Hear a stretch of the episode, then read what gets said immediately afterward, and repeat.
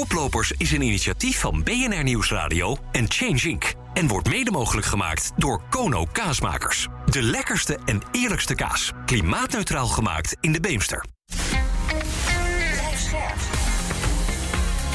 BNR Nieuwsradio. Koplopers. Donatello Piras en Werner Schouten.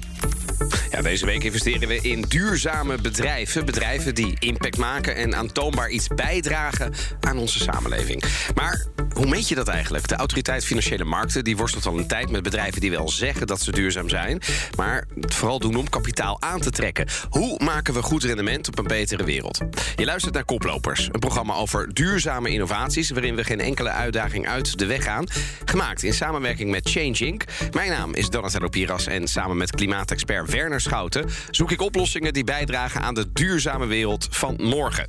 Wil je elke week een seintje als er weer een nieuwe Koplopers beschikbaar is? Abonneer je dan gratis op onze podcast in jouw favoriete podcast-app. De Europese Commissie wil kernenergie en gas als groene energie bestempelen. Want het zorgt niet voor CO2-uitstoot. Olie en gas moeten natuurlijk in de grond blijven om de klimaatdoelen van Parijs te halen. Hè? Natuurlijk, maar het is niet zo dat je een bedrijf helpt het eruit te halen puur door te beleggen in zijn aandelen. Ons spaargeld wordt in recordtempo minder waard. Wie dat tegen wil gaan, moet misschien zijn centen verhuizen richting beleggingen. Toch zijn veel Nederlanders daar juist huiverig voor. Blijkt nu uit onderzoek van toezichthouder AFM. Ik dacht dat ik met mijn anderhalve ton de, de wereld ging veranderen. Uh, maar natuurlijk, dat is, de wereld zit niet zo in elkaar. Ja, zo meteen gaan we daar verder over praten. Gaan we eerst, Werner, naar uh, wat is jou opgevallen in het nieuws? Nou, het was afgelopen zondag natuurlijk verkiezingsdag. Zowel in Frankrijk als in Slovenië gingen de mensen naar de stembus. En in beide gevallen pakte de uitslag goed uit voor het klimaat. In Slovenië werd de populistische premier Jansa verslagen door de groene Europees gezinde partij met een klinkende overwinning met 35% van de stemmen. En in Frankrijk, ja, dat weten we allemaal, won Macron van toch wel de enigszins klimaatskeptische Le Pen. Ja. Ja, los van het klimaat. Uh, wat natuurlijk erg belangrijk is, zou ik ook nog willen zeggen. Ik denk dat de ontwrichting en de werking van Le Pen voor de Europese samenwerking misschien nog wel erger was geweest. Zeker. Uh, nou, en, en, daar is het klimaat natuurlijk ook bij gebaat. Zeker. Ik bedoel, daar, dus uh, ik denk dat er voor een. ja, wat je ook van Macron vindt. Hè, en we zijn geen Franse ingezetenen, dus we kijken daar toch een beetje in mee. Maar dat, nou ja, dat is in ieder geval de beste van de twee oplossingen geweest. Zeker, zeker. Dus dat is positief nieuws voor de komende vijf jaar. Hoe positief doet, is het beleid van Macron? Macron voor het klimaat op dit moment? Hoe kijk je Nou, op het gebied van klimaat moet Macron er wel een, een tandje bij gaan doen. Er is namelijk wel echt een gapend gat tussen de intenties van Macron en de afgelopen, de realisatie in de afgelopen vijf jaar. Uh, dus dat moeten we afwachten. Maar ja, positiever nieuws uh, komt gewoon vanuit Nederland, vanuit de jonge generaties. Want uit onderzoek van Ipsos blijkt dat de helft van de jonge generaties hun geld duurzaam investeert. Dat geld gaat dus niet alleen naar de crypto's, maar ook naar uh, duurzame investeringen. Maar, zo concludeert het AFM dan weer, investeringsfondsen die duurzaam zeggen te zijn, zijn dat lang niet altijd. Zo bestaan veel duurzame fondsen uit aandelen van bijvoorbeeld techbedrijven die niet echt veel uitstoot veroorzaken, maar ook niet echt de duurzame transitie verder brengen. Nee. Een beetje de, de, de, status quo eigenlijk. Precies. En de AFM zegt dat wij als uh, investeerders zelf dan beter onderzoek moeten doen uh, op de korte termijn uh, naar de fondsen waar we in investeren. Ja, en over investeren gaan we dat hebben. Bij ons in de studio's Hans Tegenman, hij is econoom en Chief Investment Strategist bij Triodos Bank. Welkom Hans. Goedemorgen. Fijn dat je er bent. ja, laten we het even hebben over duurzaam investeren um, en de impact. De term impactvol investeren is hip en happening, is ook wel een beetje subjectief al een beetje moe van geworden? Af en toe wel. Iedereen heeft het tegenwoordig over impact, duurzaam en wat iets meer zei. En als je kijkt wat er, wat er echt gebeurt, dan zit er, zoals jullie net al zeiden, af en toe best wel een groot verschil tussen. Ja, en welke definitie hanteren jullie bij Triodos? Nou ja, impact is eigenlijk. Je moet altijd bij impact waarop, hè? En bij ons is impact uh, dat je, dat je een, een duurzame wereld verder helpt. Dus impact op het dichterbij brengen van een duurzame wereld. Daar moet het om gaan. En dat wil je uiteindelijk ook Stimuleren, meten. Ja. ja. En, in, en als we dan even naar Triodos gaan kijken. Uh, we focussen ons vandaag op die beleggingen van, van, van de klanten bij Triodos. Um, hoeveel impact valt daarmee te maken? Veel. Dat, dat geloven wij bij Triodos uh, zeker. Want wij proberen dat sinds onze oprichting al de, mm -hmm. de financiële wereld van binnenuit een beetje te verduurzamen. Daar, en te laten... Daartoe zijn jullie op aard, zeg maar. Daartoe zijn wij op ja. aard. Um, En dat, en dat verschuift ook, hè, ook bij ons. Van, van wat betekent dat? En hè, aan de investeringskant, wat doe je dan precies? Daar, daar, ja, daar maken wij ook telkens stapjes in. Want uiteindelijk kunnen wij alleen het verschil maken als we telkens verder, verder weten te gaan. Hè? Waar, waar duurzaam Ja. beleggen 30 jaar geleden eigenlijk niet bestond. Hebben wij daar zowel met microfinanciering en hè, zijn, eh, in opkomende economieën heel veel dingen gedaan, maar ook met beleggen op de beurs ook heel veel stappen gezet. Hè. Van eerst was duurzaam bepaalde dingen niet doen. Daarna werd duurzaam de, de meest duurzame bedrijven in een sector kiezen. Hè. Ja. Dus best in klas. En nu zitten we echt op impact. En dan is ons eerste selectiecriterium van elk bedrijf waar wij in beleggen... is zien wij aantoonbaar dat dit bedrijf bijdraagt aan een duurzame wereld. En als dat aantoonbaar is, hoe meet je dat dan? Eh, Wat voor metrics hebben jullie om te zien van dit is daadwerkelijk een impactvol bedrijf en dus een impactvolle investering?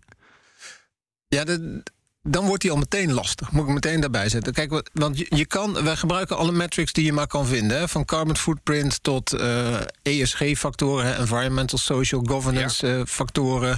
Eh, de bijdrage aan de Sustainable Development Goals is allemaal te, te verkrijgen als het gaat over beursgenoteerde bedrijven maar, bedrijven. Maar dat is voor ons nog niet genoeg.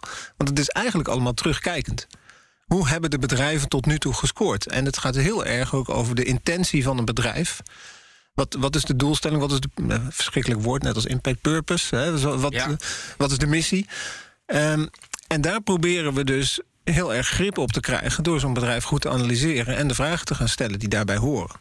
Dus wij rapporteren over alle metrics, ook in onze impactrapportages. En we laten alles zien wat we maar kunnen. Maar eigenlijk vinden we dat nog niet genoeg. Want het gaat uiteindelijk om de bijdrage aan de transitie. En, en in, in hoeverre is dat ook aan verandering onderhevig? Hè? Want we, we weten bijvoorbeeld al heel lang dat we nou ja, fossiele industrie, eh, eh, eh, olie, gas en zo, dat we dat niet nog vele jaren moeten helpen financieren. Want ja, dan, dan, dan blijft die status quo.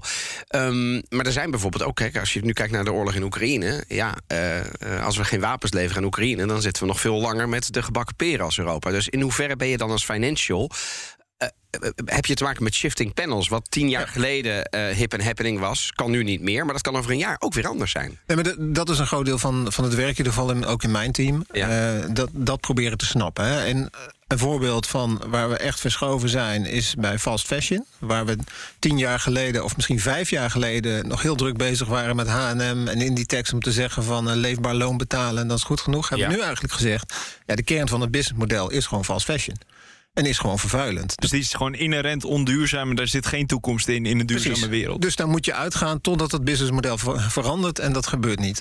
Aan de andere kant geldt ehm, dat je heel goed, en daar hebben we nog geen stap in gezet, maar dat is wel een belangrijke discussie bij ons van, ja, als je ziet dat je een duurzame wereld alleen kan, be- kan bereiken door toch in bedrijven te gaan die niet alles goed doen. Eh, wij, wij sluiten nucleair uit, Ja. eh, fossiel sluiten we helemaal uit. Maar misschien moeten wij overwegen, daar zijn we nog niet, moet ik heel zorgvuldig zijn hoe ik dat zeg, maar dat je toch wel af en toe je handen daarin vuil maakt. Als je tenminste gelooft in de strategie en de missie van het bedrijf. En dat je ook ziet dat ze binnen afzienbare tijd er wel uit fossiel gaan. Want als jullie, als jullie, je hebt het vaak over, ook in de financiële sector hoor je het vaak engagement. Hè? Als we in een bedrijf zitten, dan kunnen we op tenminste invloed uitoefenen op de koers van het bedrijf.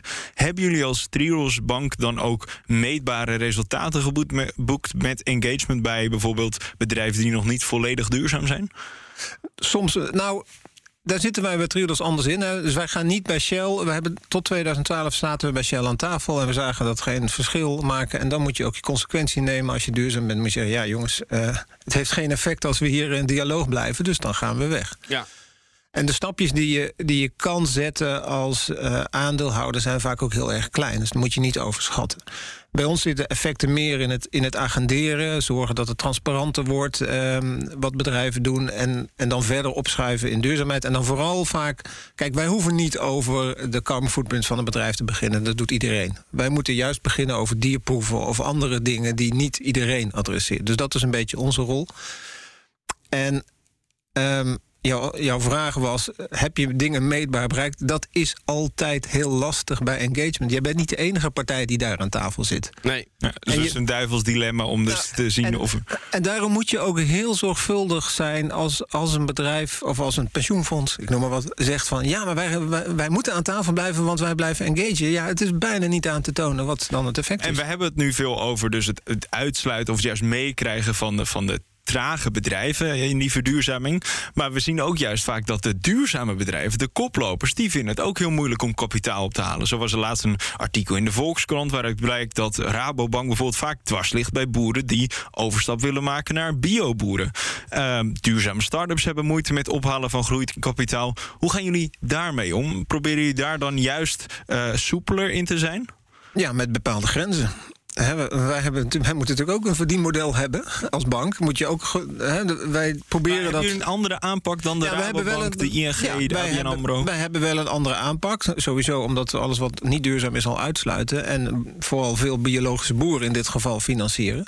Maar dan zie je ook dat dat lastig is, gegeven de huidige regels. Dus er zit ook bij onze grens aan. En hè, wij hebben een lagere rendementseis. Dus wij proberen dat echt op een zo goed mogelijke manier te doen. Maar wel met een bepaalde ondergrens. Ja, laten we daar even naar gaan kijken. Want Triodos wil in 2035 klimaatneutraal zijn. Dat is het doel. Hoe ga je dat voor elkaar krijgen? Bijvoorbeeld als het gaat over niet-klimaatneutrale bedrijven. Eh, eh, nu zeg je nog af en toe, hè, het doel heiligt soms de middelen. We moeten even kijken hoe we dat doen. Ga je dan rigoureuzer te werk?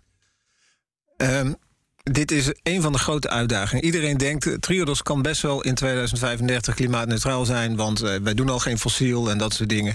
Maar wil je relevant zijn in een transitie... dan wil je juist ook zitten in bedrijven die die, die transitie maken. En je wil je ook je hypotheekverstrekking bijvoorbeeld... Uh, dan wil je ook dat, dat je mensen een hypotheek geeft... die hun huis kunnen verduurzamen. Dus niet alleen maar A-labels Want die transitie is belangrijk, want anders kom je precies, er. Precies, dus een van de grote discussies die wij ook intern nu hebben... van precies, hoe gaan we dat nu doen? Onze, onze footprint is veel lager op dit moment dan veel andere financiële instellingen. Maar het verder verlagen is een hele grote uitdaging.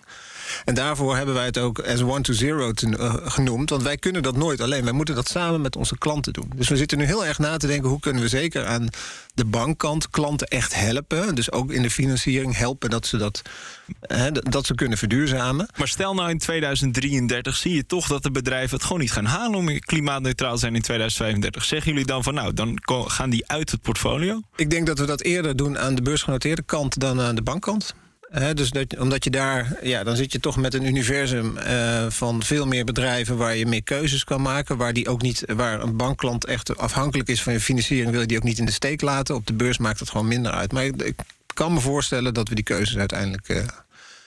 Nou, kijk, het zou heel erg zijn als we die keuzes moeten maken. Ik hou hem even in. Want dat betekent dat we het met z'n allen niet gaan halen. Ja. Tot slot, Hans, advies aan de luisteraar. Um, hoe maken wij de juiste selectie van bedrijven met juiste intenties? Wij leken. Nou, Europa is echt nuttige dingen aan het doen. Hè? Dat was ook het onderzoek waar jullie het begin over hadden van de AFM. Uh, fondsen moeten gelabeld worden als het gaat uh, van, van... is het een impactfonds, artikel 9? Is het een duurzaam fonds, artikel 8? Of is het alleen marketing? En, en daar heeft de AFM vooral naar gekeken. En dan wordt het makkelijker voor, voor, voor klanten om te begrijpen... wat de intentie van een fonds is. En daarnaast ja, adviseer ik toch iedereen niet alleen maar in een fonds te stappen en denken van nou het klinkt duurzaam, maar kijken in welke bedrijven er wordt geïnvesteerd. Toch verder kijken dan je neus lang is. Dankjewel, Hans Tegenman, econoom chief investment strategist bij Triodos Bank het is dus een duivels dilemma. Hè? Wat is nou impactvol en wat niet?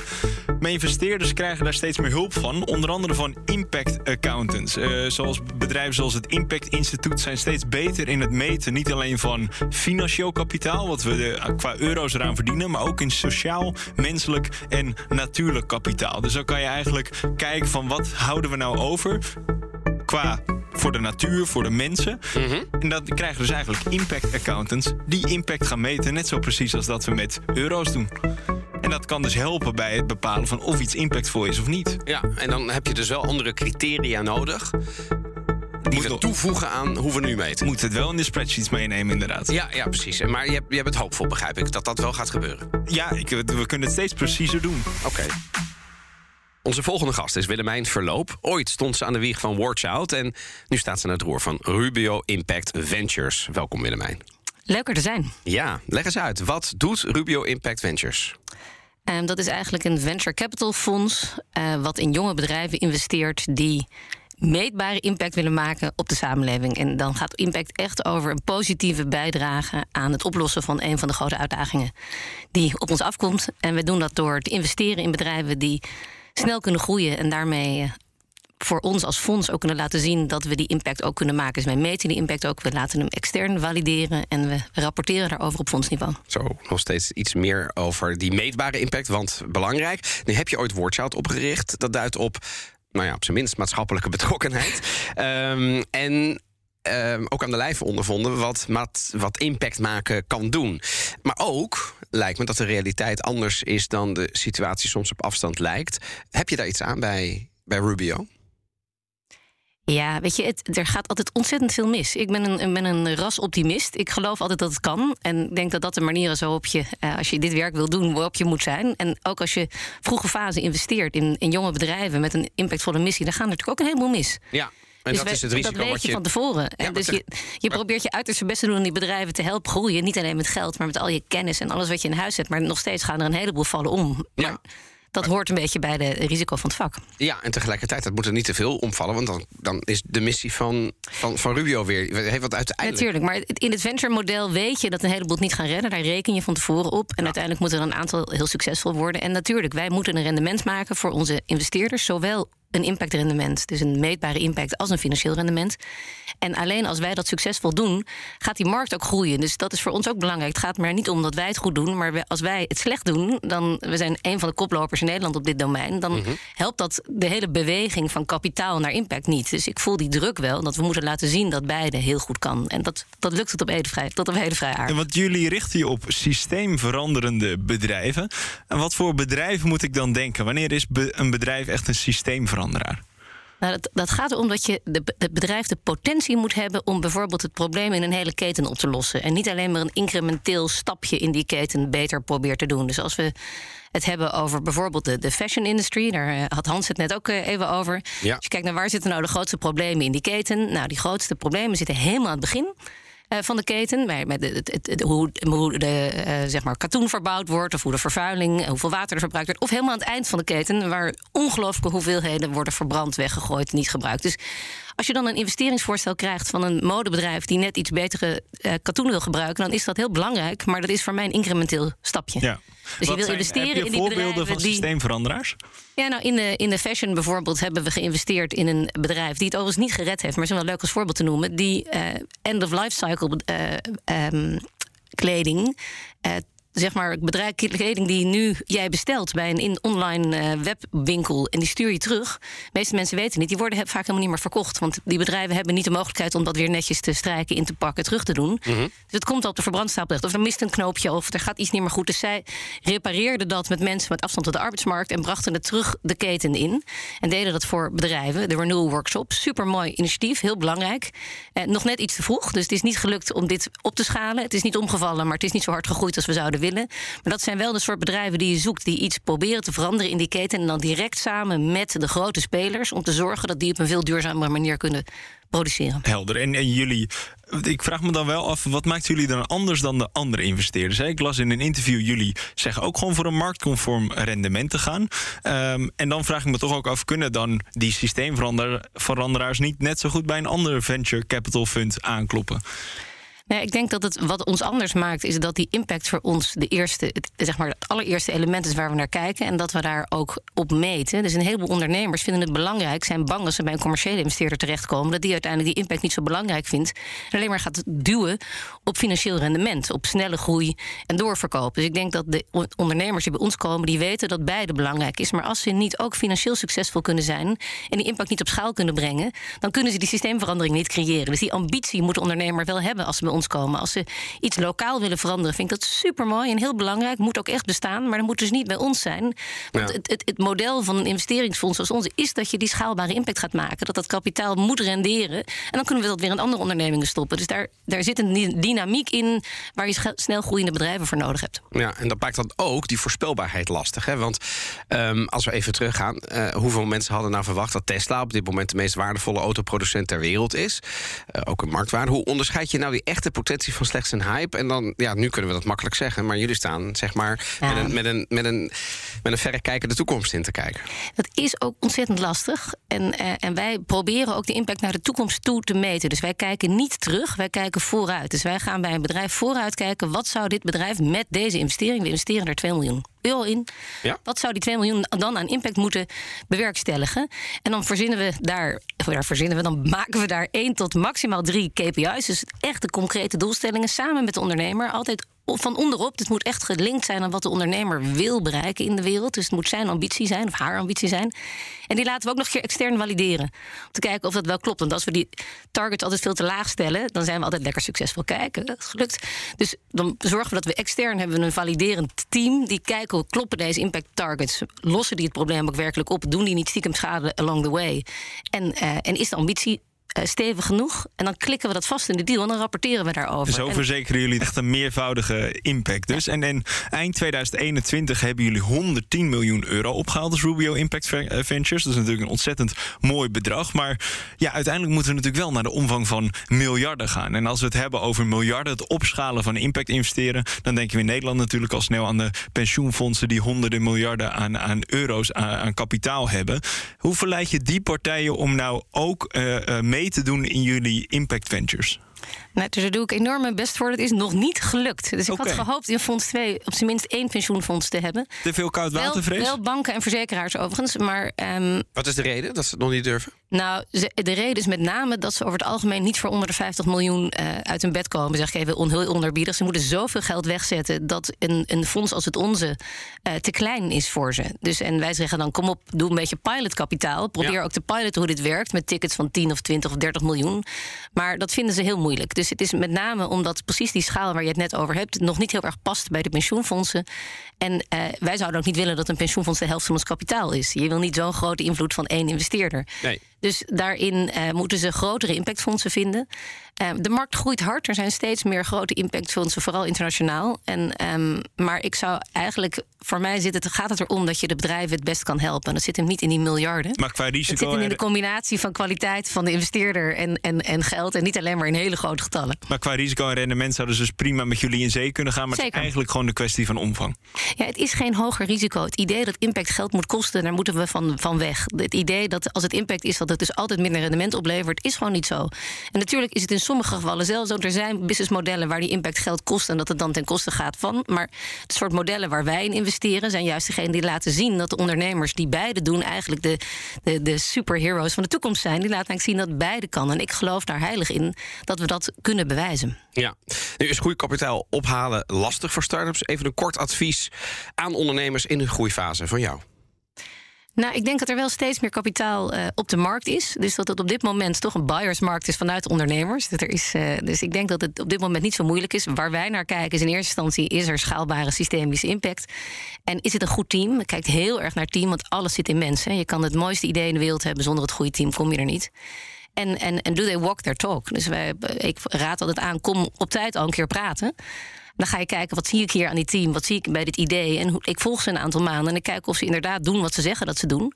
En eh, dan eh, kom je vaak tot een deal. En uiteindelijk is het een eh, two-way street. Hè. Je moet als ondernemer ook heel erg kijken wie wil ik aan boord. Een aandeelhouder is niet zomaar een zak geld. Dat is toch iemand die je aan boord haalt en met, die samen met jou gaat bouwen. Dus je moet ook als ondernemer heel goed kijken, past deze persoon of dit fonds wel bij mij? Dankjewel, Willemijn Verloop van Rubio Impact Ventures. Nou, wat me dan toch opvalt, Werner, wat Willemijn zojuist zegt, is... ja, voor grote pensioenfondsen bijvoorbeeld is het eigenlijk nog peanuts wat we doen. En dat is natuurlijk even zonde, want juist zo'n pilot van 10 miljoen... daar kun je impact van maken. Precies, daar kan je al superveel mee doen. Eh, je- vooral zulke kleine ondernemers. Dus ik zou juist zeggen, laten we nou coalities bouwen van grote partijen als verzekeraars, als banken, als pensioenfondsen, die gezamenlijk misschien wel 100, 200 miljoen willen, willen opbrengen Ja. voor zo'n impact venture. Ja, omdat het dan wel in ieder geval dan impact kan maken. Ja, en dan kan het pensioenfonds ook meedoen. Ja, ik zou zeggen veel meer de schijnwerpers daarop. Laten we dat doen. In de podcast eh, praten we nog even door met eh, beide gasten, Hans en Willemijn. We hebben onze luisteraars via LinkedIn een, een, eh, gevraagd voor een stelling. En de stelling die zij jullie willen voorleggen is... alle beleggers moeten per direct uit onduurzame activiteiten... als olie, gas en fast fashion stappen. Nou, we hebben het er al even over gehad. Hans, dit, wat is jouw kijk hierop? Ga ik iets heel verrassend antwoorden? Nee, ik denk niet dat alle beleggers dat moeten doen. Ik denk dat eh, beleggers allemaal andere rollen hebben. Maar ik denk wel dat ze hun plicht serieus moeten nemen. En dan serieus in dialoog moeten gaan met bedrijven om wel die transitie te bewerkstelligen.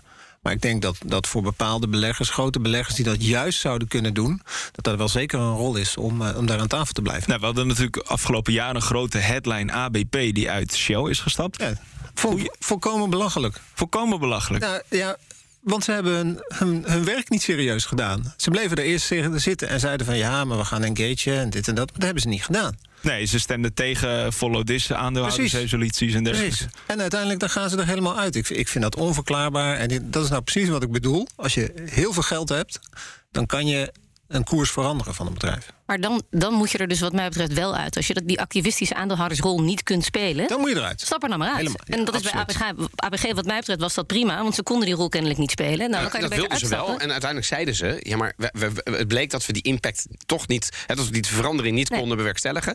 Dus, zeg jij Willemijn, dan, dan is het maar goed dat ze eruit zijn? Dan eruit, ja. Want dan hoop je dat er andere grote aandeelhouders instappen... die wel dat activistisch aandeelhouderschap willen gaan uh, opvoeren... en daar een verandering willen gaan doormaken. En dat kunnen alleen die hele grote. Maar dan moet moeten ze het wel het lef hebben om die activistische rol te spelen. En daar hebben we nog wel een beetje tekort aan. Ja, want we zien ook steeds meer bijvoorbeeld indexfondsen, hè, passief aandeelhouderschap. Dat is dus eigenlijk, ja, dan, dan stemmen, dan gaan ze eigenlijk niet meedoen in de stemmingen bij algemene aandeelhoudersvergaderingen en dergelijke. Dat is geen goede ontwikkeling. Of...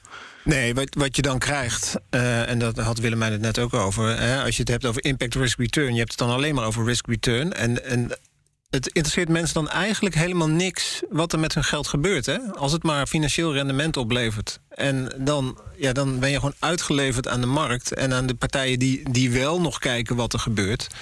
Uh, maar, maar ja, als je passief doet en dan zegt dat je impact kan maken, daar geloof ik helemaal niks van. En zien we wel in de markt dat, omdat er steeds meer ook pensioenfondsen dus uit fossiel gaan en dergelijke, dat dat uiteindelijk wel positieve effecten heeft? Dat bijvoorbeeld een Shell meer moet betalen voor het geld dat ze willen ophalen en dergelijke? Of zien we daar nauwelijks meetbare effecten in? Um, wat we de laatste weken zagen, en dat is iets wat je eigenlijk niet wil weten, um, dat door uh, de oorlog in Oekraïne. Ja. Uh, fossiele bedrijven het heel erg goed uh, doen. Ja. Dat is defensie.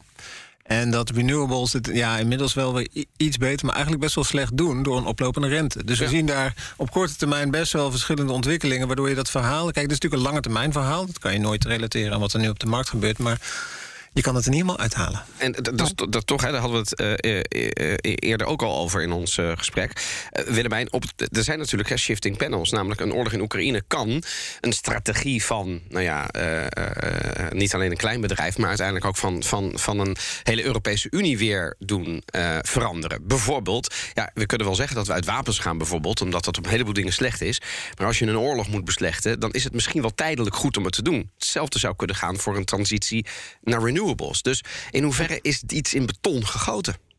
Nou, ik denk, ik hoop in ieder geval dat het enige positieve wat uit deze extreme oorlog kan voortkomen, is die, die hernieuwde actieve uh, investeringen in renewables. Dat, de, dat ook de overheden die daar extreem langzaam in zijn, zoals de onze, ja. gaan zien dat we daar uh, uh, vaart op moeten maken. Want die, onze, onze afhankelijkheid wordt heel duidelijk zichtbaar. En dat, die, die, die, blind, die, maar die blind spot, die, die hoop ik dat die nu verdwijnt. Maar dat je had gewild dat daar geen oorlog voor nodig was. Nee, dat zijn dus allemaal ook, ook duurzame dilemma's, hè? hele actuele duurzame dilemma's. Wil ik er toch nog eentje nog aan jullie voorstellen. Je ziet steeds vaker ook hybrides eigenlijk ontstaan. Hè, van traditioneel vervuilende bedrijven die dan ook duurzame dingen gaan doen. Shell in de energietransitie. En je ziet ook met JBS, grootste vleesproducent, heeft nu Vivera, een Nederlandse vleesvervangerproducent, uh, gekocht. Als die bij jullie zouden aankloppen, Willemijn, zou je die dan helpen of zeggen van nou, daar zijn we huiverig voor? Want je helpt natuurlijk wel enerzijds de vleesvervangers, uh, maar anderzijds is het wel de bottom line van een, de grootste vlees dat die bij ons niet terechtkomen, want wij zijn natuurlijk een vroege fase bedrijven. Maar het gaat wel om de intentionaliteit van de, van de onderneming. En als de intentie is om, om gewoon aandeelhouderswaarde te creëren en impact als een leuk sausje eroverheen, zullen wij nooit investeren. Dus ik, ik voel dit, ik zie dit vaak als het, het, een sausje, als het inkopen van een beetje impact. En overigens is dat ook wel een route die een aantal van de bedrijven waar wij geïnvesteerd hebben, uiteindelijk als exit uh, naar een grote strateeg, uh, strategische partner gaan en gezamenlijk proberen die impact daar dan te verankeren. En dat is heel spannend of dat goed gaat. Want we hebben natuurlijk een aantal voorbeelden internationaal van de Ben Jerry's-achtige of de bodyshops waar het fout ging in de eerste overname. Maar uiteindelijk in dit geval bij bodyshop wel weer goed waar ze nu zitten. Maar die koplopers komen die dan bij goede strategen terecht en weten ze dan die strategen mede te veranderen. Ik denk dat Ben Jerry's echt invloed heeft gehad op de strategie van Unilever. Uh, daar kun je ook lang over discussiëren overigens hoe goed dat dan is geweest. Maar daar hebben we misschien nu de tijd niet voor. Maar dat is ook een leuk onderwerp. Maar dus dat is de grote vraag. En het is wel een manier voor die grote partijen. Bedoel, Unilever zegt gewoon op de voorpagina van het FD: wij willen verduurzamen. Dus we kopen de duurzame koplopers op. dus het begon als een harde nee, maar daarna kwamen er toch wat kanttekeningen. Nou, wij zouden niet investeren, maar we zouden misschien wel desinvesteren naar die partijen. als we geloven dat die dat dan ook werkelijk. We hebben bijvoorbeeld één bedrijf geëxit naar een, een, een grote strateeg. En die wilde zo graag aan ons bewijzen dat hij die impact belangrijk vond. dat die nu aan ons ieder jaar nog rapporteert op onze impact targets. En we hebben 0% aandeel in dit bedrijf meer. Maar de nieuwe koper rapporteert daar naar ons op. En ja, zo kan het dus ook. Maar dat zijn voorlopig nog wel de uitzonderingen. Dankjewel, Willemijn Verloop en Hans Tegenman. Dank voor het luisteren. Dit was de podcast van Koplopers van deze week. Volgende week maandag om half vier staat er weer een nieuwe voor je klaar. Koplopers is een initiatief van BNR Nieuwsradio en Change Inc. En wordt mede mogelijk gemaakt door InvestNL Impact Investors. Wij maken morgen mogelijk.